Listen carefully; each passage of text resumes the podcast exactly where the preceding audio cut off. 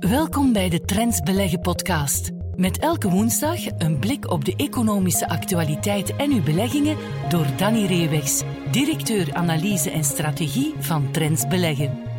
Deze podcast kwam tot stand met de gewaardeerde steun van Keytrade Bank, de onbetwistbare marktleider in online trading in België. Meer tips, adviezen en analyses voor uw beleggingen leest u wekelijks in Trends. U leest Trends al digitaal vanaf 3 euro per week via trends.be/slash podcastaanbod. Welkom bij de podcast van Trends Beleggen. Aan het einde van de aflevering zal hoofdeconoom van Keytrade Bank Geert van Herk zijn kijk nog meegeven op de beursactualiteit.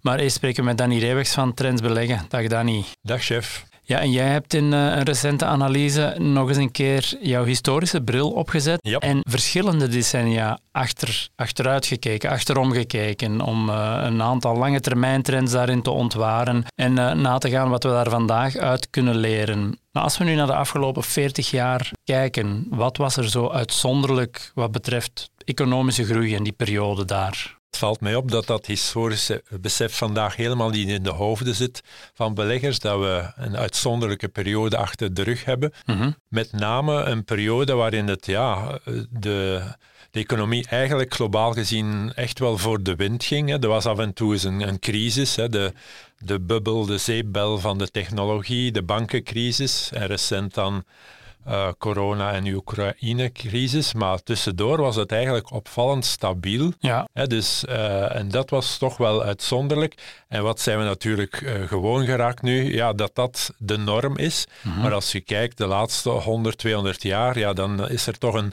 veel, een heel ander, een veel genuanceerder beeld dat, dat de economie eigenlijk een dergelijke stabiliteit toont. Ja, ja, het is ook gespekt met en gestoffeerd met een aantal grafieken. Je ziet het ook dat de economische groei in die 40 jaar, de pieken waren lager, maar de dalen waren ook minder diep, dus veel minder volatiel eigenlijk. Ja, men heeft dat de, de grote gematigdheid, de, de great modification genoemd. Ja omdat, ja, uh, inderdaad, er heel weinig recessies waren. Er was zelfs een recordtijd tussen de recessie na uh, de gevolgen van de bankencrisis en dan de recessie die gekomen is uit de coronacrisis daartussen, die ruim tien jaar. Ja, dat was een historisch record. En nu denken we dat een beetje de norm is, hè, dat dat recessie maar af en toe of heel zelden voorkomt, terwijl dat ja, gemiddeld gezien om de vier, vijf jaar gebeurt. Mhm. Mm -hmm. en dat, hè, dus we hadden eigenlijk drie, vier recessies moeten hebben in die periode. En dat hebben we niet gekregen. En nu denken we precies, oké, okay, we hebben nu een moeilijk jaar achter de rug. En nu is het business as usual. De rest van het decennium, bij wijze van spreken, gaan we weer geen recessie meer zien of gaan we geen moeilijke periode meer kennen. Dat leeft denk ik nog altijd te veel ja. in de hoofden van een aantal beleggers. En die grote gematigdheid, zijn daar bepaalde oorzaken voor aan te duiden die daarvoor gezorgd hebben? Ja, uh, allereerst natuurlijk de rente-evolutie. Hè. Niet vergeten, de jaren 70, begin jaren 80 waren extreem turbulent, hè, met een enorme opstoot van inflatie toen door de oliecrisis hè, van begin jaren 70, die nog een keer herhaald werd eind jaren 70. Ja. Daar zat ook uh, geopolitieke spanning in, de, de Koude Oorlog die toch wel op een piek was. En dus ja, dan kwamen we van rentevoeten van 17% voor op twee jaar, op de tweejarige rente in Amerika. Die is natuurlijk in 2020 naar nul ja. uh, geëvolueerd, dus extremer kan het haast uh, niet. Hè. Sommige landen hebben zelfs een tijdje met negatieve rente uh, geleefd. Dus dat is natuurlijk wel, in zo'n omgeving is het iets makkelijker om, uh, om een goede economische omgeving te hebben.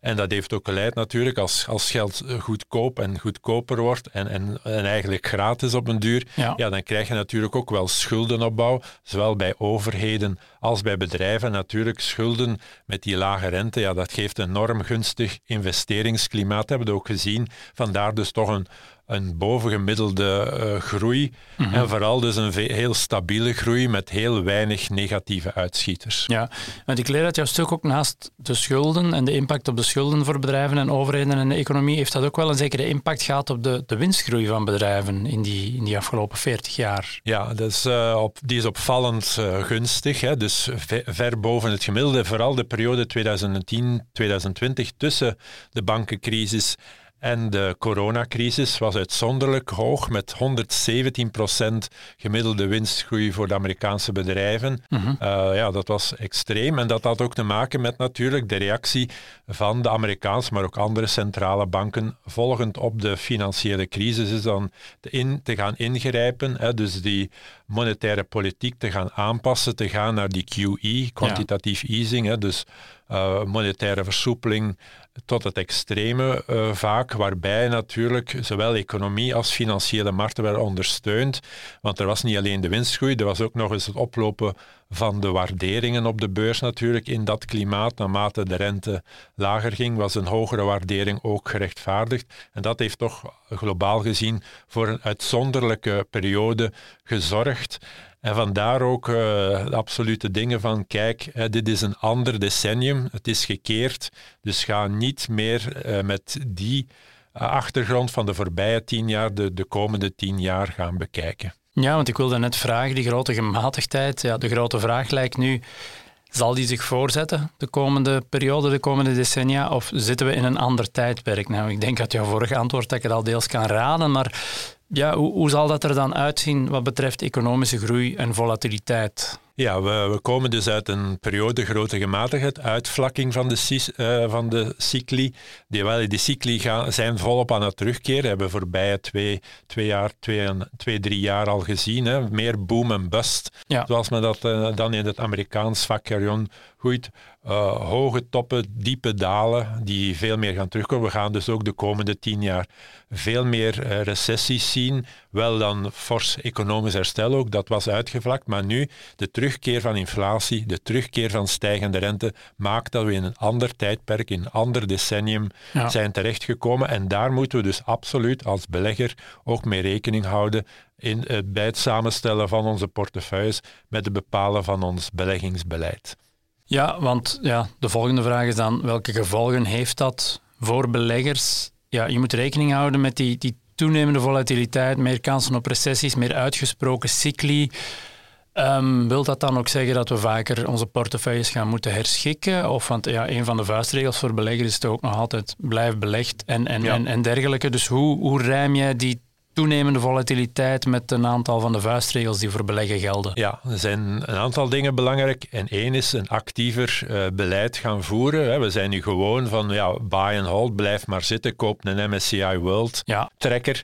En je, en je wordt slapend rijk, bij wijze van spreken.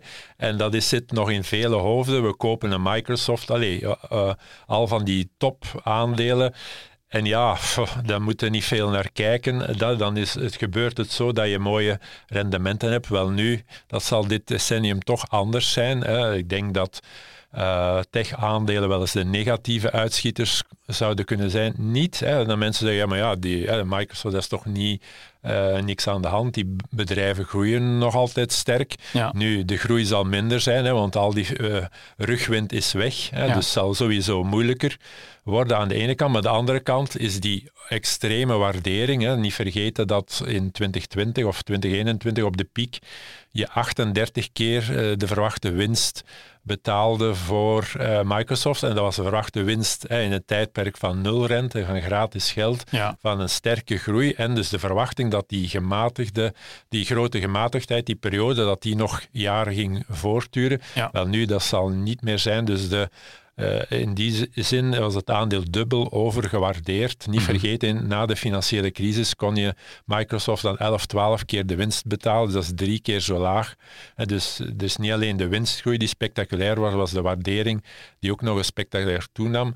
Niet vergeten, uh, het record uh, van bedrijven was 200, 300 miljard ja. uh, qua beurswaarde voor, uh, voor de periode van 2000. En nu gingen we naar bedrijven die ja, ja 2000 en, en 2000 miljard waard was. Ja, dus het is een enorme oploop geweest. En ik denk dat we dan meer moeten kijken naar laag gewaardeerde aandelen en sectoren mm -hmm. met goede dividenden, goede cashflows, hè, stabiele cashflows. Ja uh, kaststromen, dat gaat het verschil maken. Dus uh, als ik nu een boute voorspelling mag doen, ik verwacht dat je met telecom dit decennium gemiddeld meer gaat verdienen dan met tech-aandelen. Inderdaad, een bouwde voorspelling, maar we komen er binnen tien jaar op terug. Ja, nee, dat is afgesproken.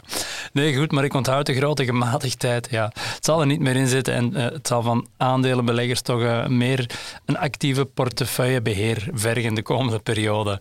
Um, voor de aandelen voor deze week, uh, de eerste dat we erbij halen is het sportmerk Adidas. Ja, de titel van jouw recente analyse was Het loopt voor geen meter. Ja, zegt veel over hoe het bij Adidas eraan toe gaat. Ja, wat loopt er allemaal mis? Op het eerste vlak denk ik rond de, de leiding is er al heel wat turbulentie geweest. Ja, dus ook Adidas was zo'n aandeel dat een beetje een hype geworden was. Hè. Dus was die trend uh, met sneakers en, en, en uh, sportkledij rond te lopen. En, en ook daar zag je naar een extreme waardering van meer dan 30 keer de winst uh, gegaan. Um, alleen ja, sinds corona uh, stort Adidas zich van de ene in de andere crisis en dat heeft geleid vorig najaar tot een breuk tussen de raad van bestuur en de toenmalige topman Karsten Roosje, de Deen, die ja. nogthans van Henkel kwam, heel wat adelbrieven kon voorleggen en in lange tijd ook een inhaalrace wist te doen ten opzichte van Nike, de, de absolute marktleider in die sector. Vooral omdat hij net als bij Henkel erin sloeg, geslaagd was om uh, ook in, op de Amerikaanse markt, hè, de sportmarkt nummer één, ja. om daar door te dringen. Onder andere door partnerships met een aantal Amerikaanse sterren. Maar dat is als een boemerang uh, zeker recent in het gezicht ontploft. De contracten met Kanye West en, en recent ook Beyoncé zijn, uh, ja. zijn nu opgezegd. En dat uh, is een van de problemen vandaag. de, vandaar dat Adidas ook in 2022 een netto verlies heeft moeten boeken. Ja, ja dus uh, strategisch operationeel zit het, uh, zit niet allemaal goed, waar er voor de rest uit de resultaten van 22 nog belangrijke zaken om te onthouden volgens jou? Ja, ze het ook moeilijk hebben op de Chinese markt. Dat is toch een belangrijke markt in ontwikkeling. Hè. Daar had Adidas ook voluit van geprofiteerd. Niet alleen uh, op doorbraak op de Amerikaanse markt, maar ook verder op de Chinese markt.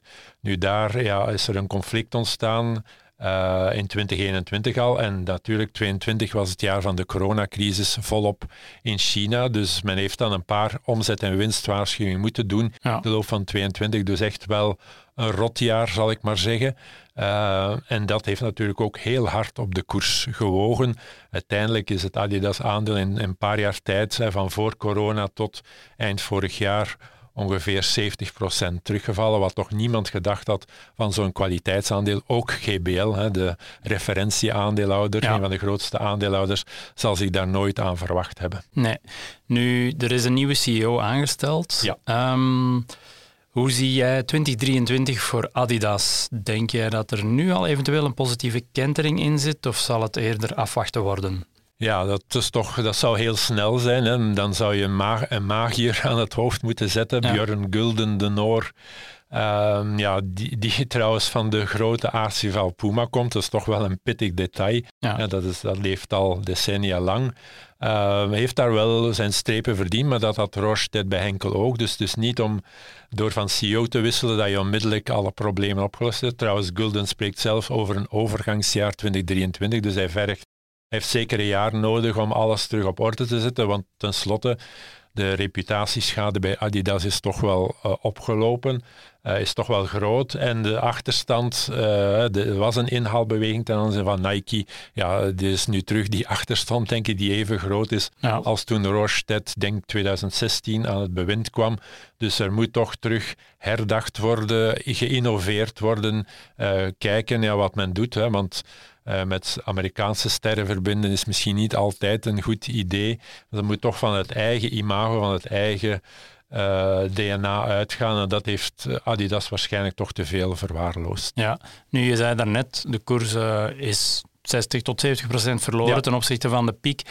Ja, wil dat zeggen dat er momenteel qua waardering het, het wat aantrekkelijker is? Of hoe, misschien is het operationeel en winstgewijs even hard naar beneden gegaan? Ja, uh, kun je niet zeggen dat dit een spotgoedkoop aandeel is. Maar natuurlijk, er was sprake van extreme overwaardering, maar er zijn wel problemen die moeten opgelost worden. Natuurlijk, bijvoorbeeld China, als die markt herstelt in 2023, de algemene verwachting is, dat economisch herstel, dat, dat zijn zaken die gaan, gaan helpen. Maar ja, in Amerika en dergelijke wordt toch voorlopig heel moeilijk. De schade is is groot. Dus uh, het is aan Gulden om met nieuwe actieplannen te komen. Dat zal nodig zijn om, zoals hij verwacht, vanaf 2024 terug uh, een rendabel uh, bedrijf te zijn dat terug kan, kan groeien. Oké, dus voor de sportfreaks nog even wachten met Adidas, ja. heb ik begrepen. Um, tweede aandeel, dat is, je sprak daarnet over telecom. Ja, in België hebben we wel wat tumult gehad op de telecommarkt. rond Telenet, meer bepaald. wat is daar het belangrijkste nieuws van de afgelopen week? Afgelopen week is dat iets dat al jaren in de mars zat, die geruchten dat dat nu toch effectief gebeurd is. Met name een bod van de Amerikaanse hoofdaandeelhouder Liberty Global op Telenet. Zij bieden 22 euro per aandeel in, in cash. Ja. Um, ja, dus eh, dat was het nieuws. Het heeft dagen geduurd ook. Hè. Donderdag werd de koers geschorst en pas dinsdag, vijf dagen later, zelden gezien dat dan het nieuws kwam dat eh, wat iedereen verwacht had ook aan het gebeur ging gebeuren, met name dat bod door Liberty Global. En volgens jou een goed bod? Hoe zat het qua premie? En als jij Telenet belegger zou zijn, wat zou jij dan doen? Ja, uh, ja, het blijkt nu dat je een, premie kan geven van meer dan 50%. Ja, meer dan 50%. En toch moet zeggen, ja, dit is eigenlijk een opportunistisch, uh, geen royaal bot, sluw waarmee je waarschijnlijk wel de mensen gaat kunnen overtuigen om hun aandelen af te geven, maar zonder dat die daarmee echt tevreden zullen zijn. Ja. Maar de schade in die telecomsector is inderdaad heel groot, zeker in de Belgische. Niet vergeten, op vijf jaar tijd was het telenet-aandeel met meer dan 70% teruggevallen. En dat voor een zogenaamd defensief aandeel uit een defensieve sector is toch wel extreem ja. geweest. Maar die premie is er natuurlijk nu. Als je hem niet aanvaardt, ja, dan gaat die koers weer 20, 30 procent terugvallen in principe. Mm Zit je mogelijk met uh, ja, een vrij illiquide aandeel.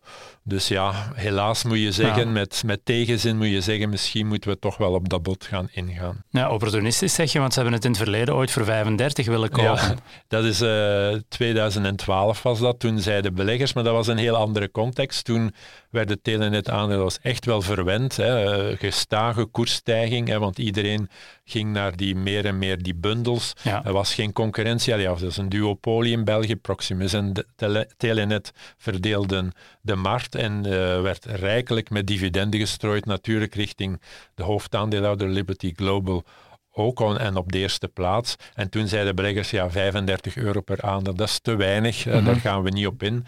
De raad van bestuur heeft dat toen, uh, dacht ik, gesteund. Maar globaal gezien, ja, uh, elf jaar later moet men een bod aanvaarden misschien wel dat een derde lager ligt. Ja, nu tot slot, want de waardering waaraan ze Telenet kopen is iets rond een zes keer de bedrijfskastroom, grosso modo. Onthield ik uit jouw stuk. Zegt dat iets, zegt dat iets over de telecomsector als geheel en de vooruitzichten die we daarvan nog mogen verwachten? Ja, dus dat is een beetje de gemiddelde prijs die je betaalt in Europa voor een telecombedrijf, want het is nog altijd de meest verguisde sector. Niemand wil daar. Het stond op dit, eh, ook op begin 2023 bij de minst uh, geliefde sectoren in Europa. Dat is al jaren zo, ik denk al een jaar of vijf. Uh, iedereen ziet alleen maar de grote problemen, die investeringen in glas vezel 5, 5G, ja. Uh, ja, allerlei andere problemen die er zijn. Ja, geen consolidatie die echt kan, want ja, nationaal wil men dat niet, dat de, de telecomspeler van, de ene, van het ene die van het andere land overneemt. Dus geen vooruitzicht op een grote consolidatiebeweging die de problemen zou kunnen oplossen. Vandaar vaak uh, dividenden die alleen maar naar beneden gaan in plaats van stabiel of naar boven. Dus heel veel problemen, heel lage waarderingen. Vandaar dat je soms een premie kan geven van 50% en eigenlijk nog uh, weinig moet bieden. Ja, een sector en voer voor contraire beleggers, heb ik het gevoel. Nee, jij bent heel hard bedankt voor jouw tijd en inzichten deze week en graag tot volgende keer. Tot volgende keer. Dag. We luisteren nu naar Geert van Herk chief economist van Keytrade Bank, met zijn analyse op een aspect van de economische actualiteit. Welkom bij de Trends Beleggen podcast. In de podcast van vandaag staan we even stil bij een sector die natuurlijk volop in de schijnwerper staat. En dat is de sector van de bankaandelen. Ja, u weet het, de afgelopen tijd is er wat paniek geweest rond de banken. In Amerika is de Silicon Valley Bank over kop gegaan. In Europa hebben we de problemen gehad met Credit Suisse. Dus er is heel veel ja, negatief sentiment rond uh, de banksector. Ik zeg het al, negatief sentiment. Vanuit een beetje contrair standpunt weten we dan ja, dat de, de, opportuniteiten beginnen op te duiken. Dat wie koopjes wil doen, uh, ja, op de loer moet liggen en aandelen kan beginnen opbouwen. Hè. Want als ja, het sentiment zeer negatief is, ja, dat is vandaag de dag wel ongetwijfeld zo als we naar de bankaandelen kijken. Als we alle meningen, visies van experts uh, over deze sector horen, ja, dan lijkt het toch wel op van, ja, dat je bankaandelen op dit moment zeker niet moet aanraken. Hè. Dus er is een wijd verspreid pessimisme en dat creëert natuurlijk voor de lange termijnbelegger een instapmoment. Een instapmoment dat ook, denk ik, zeer aantrekkelijk is vanuit waarderingsstandpunt. Want ja, door de uitschuivers van uh, de afgelopen weken zijn ja, wat bankaandelen in het bijzonder en de sector in het algemeen toch vrij goedkoop geworden. We spreken in deze sector van koerswinstverhoudingen van 6, 7, 8 voor uh, grote banken. De sector in Europa, de Stocks Europe uh, 600 banks, de, de, bank, uh, de bankingsector. Ja, daarin zien we toch een koerswinstverhouding van rond de 7, een koersboekwaardeverhouding van rond 0,7. Dus voilà, dat is uh, vanuit, een zeer, vanuit een lange termijn standpunt toch zeer attractief. Want u weet het, hè, hoe, hoe lager de waardering, natuurlijk hoe hoger het te verwachten uh, rendement. Nu, een factor die misschien nog een beetje ja, twijfelachtig kan zijn, of waar we nog wat vraagtekens kunnen over uh, hebben, is natuurlijk het momentum. Hè. Maar ook daar zien we toch nog altijd gunstige signalen. Bijvoorbeeld als we een daggrafiek erbij nemen van de Stocks Europe 600 banks, dan zien we nog altijd dat de index net boven zijn 200-daags gemiddelde noteert. We zien ook dat de kortlopende gemiddeldes, het 50-daags gemiddelde, 100-daags gemiddelde, dat die ook nog altijd boven dat 200-daags gemiddelde liggen. Dus dat zijn nog eigenlijk allemaal definities eh, van een stijgende trend, een gezonde stijgende trend. Nu, ja, we moeten ook niet ja, te positief zijn. Vanuit wat momentumperspectief zie je toch wel dat we heel dicht bij het uh, 200 gemiddelde zitten. Dus ah, als de paniek of de, de negatieve trend nog wat aanhoudt, kunnen we daaronder zakken. Ja, dat is dan weer een beetje de definitie van een dalende trend. Als we onder dat 200 gemiddelde terechtkomen, maar zover zijn we natuurlijk nog, nog niet, maar het is wel een mogelijkheid. Dus vanuit momentumstandpunt is het misschien nog, toch nog iets te vroeg om al voluit in deze sector uit te stappen. Ten meer ook omdat we in de vorige podcast toch verteld hebben dat ja, we toch verwachten dat naar, naar de komende maanden, naar het jaareinde toe, die lange termijnrente lager kan. En een lagere termijnrente is, is geen factor die steun kan bieden aan bankaandelen. Zij profiteren eerder van hogere lange termijn rentevoeten. In een periode van lagere lange termijn rentevoeten zijn het veel eer de technologieaandelen en de vastgoedaandelen die sterk kunnen presteren. Dus vanuit een beetje het momentumstandpunt kan het nog altijd een beetje te vroeg zijn om in de bankaandelen te stappen. Niettemin, als de komende weken en dagen ja, die de paniek uh, nog wat aanhoudt en er nog zijn uitschuivers uh, in deze sector, dan zouden we toch zeker toch wel een deel van onze portefeuille aan het werk willen zetten in deze sectoren, omwille van uh, zijn lage waarderingsratio's. dus vanuit dat perspectief blijft de bankensector nog altijd een zeer interessante sector voor een lange termijn waardebelegger. Dus voilà, dus een beetje de, de samenvatting van deze podcast is vanuit een waarderingsstandpunt zijn de banken ja, bijzonder attractief, dus zeer gunstige waarderingsratio's. Vanuit het momentum hebben we op dit moment misschien nog een aantal vragen. Uh, en is het misschien nog niet het moment om nu al voluit de kaart van de bankaandelen te trekken. En is het misschien wat afwachten tot uh, de rente op lange termijn uh, terug wat de hoogte ingaat. En misschien ook dat de rentecurve toch wat steiler wordt. Hè. We zitten nu met, toch met een inverse curve, zeker in de Verenigde Staten. het is natuurlijk ook geen gunstige omgeving voor bankaandelen. Want zij profiteren, profiteren natuurlijk van een steilere rentecurve. Hè, waarbij zij goedkope deposito's kunnen omzetten in wat duurdere kredieten. En dat is vandaag misschien ook een beetje moeilijk in de huidige renteomgeving. Dus ja, maak misschien een beetje uw huiswerk. Uh, kijk naar een aantal interessant gewaardeerde banken. Voer misschien een korte analyse uit. En hou ze dan in de gaten. Als het momentum in deze sector uh, opnieuw begint toe te nemen. Als deze sector opnieuw bij de leidende sectoren begint te komen in Europa. Dan kan dat wel eens het moment zijn om uh, in bankaandelen te gaan stappen. Dat was de bijdrage voor deze week. En tot binnenkort. Meer tips, adviezen en analyses voor uw beleggingen leest u wekelijks in Trends. U leest Trends al digitaal vanaf 3 euro per week via trends.be slash podcastaanbod. Deze podcast kwam tot stand met de gewaardeerde steun van Keytrade Bank, de onbetwistbare marktleider in online trading in België. Volgende week zijn we er opnieuw.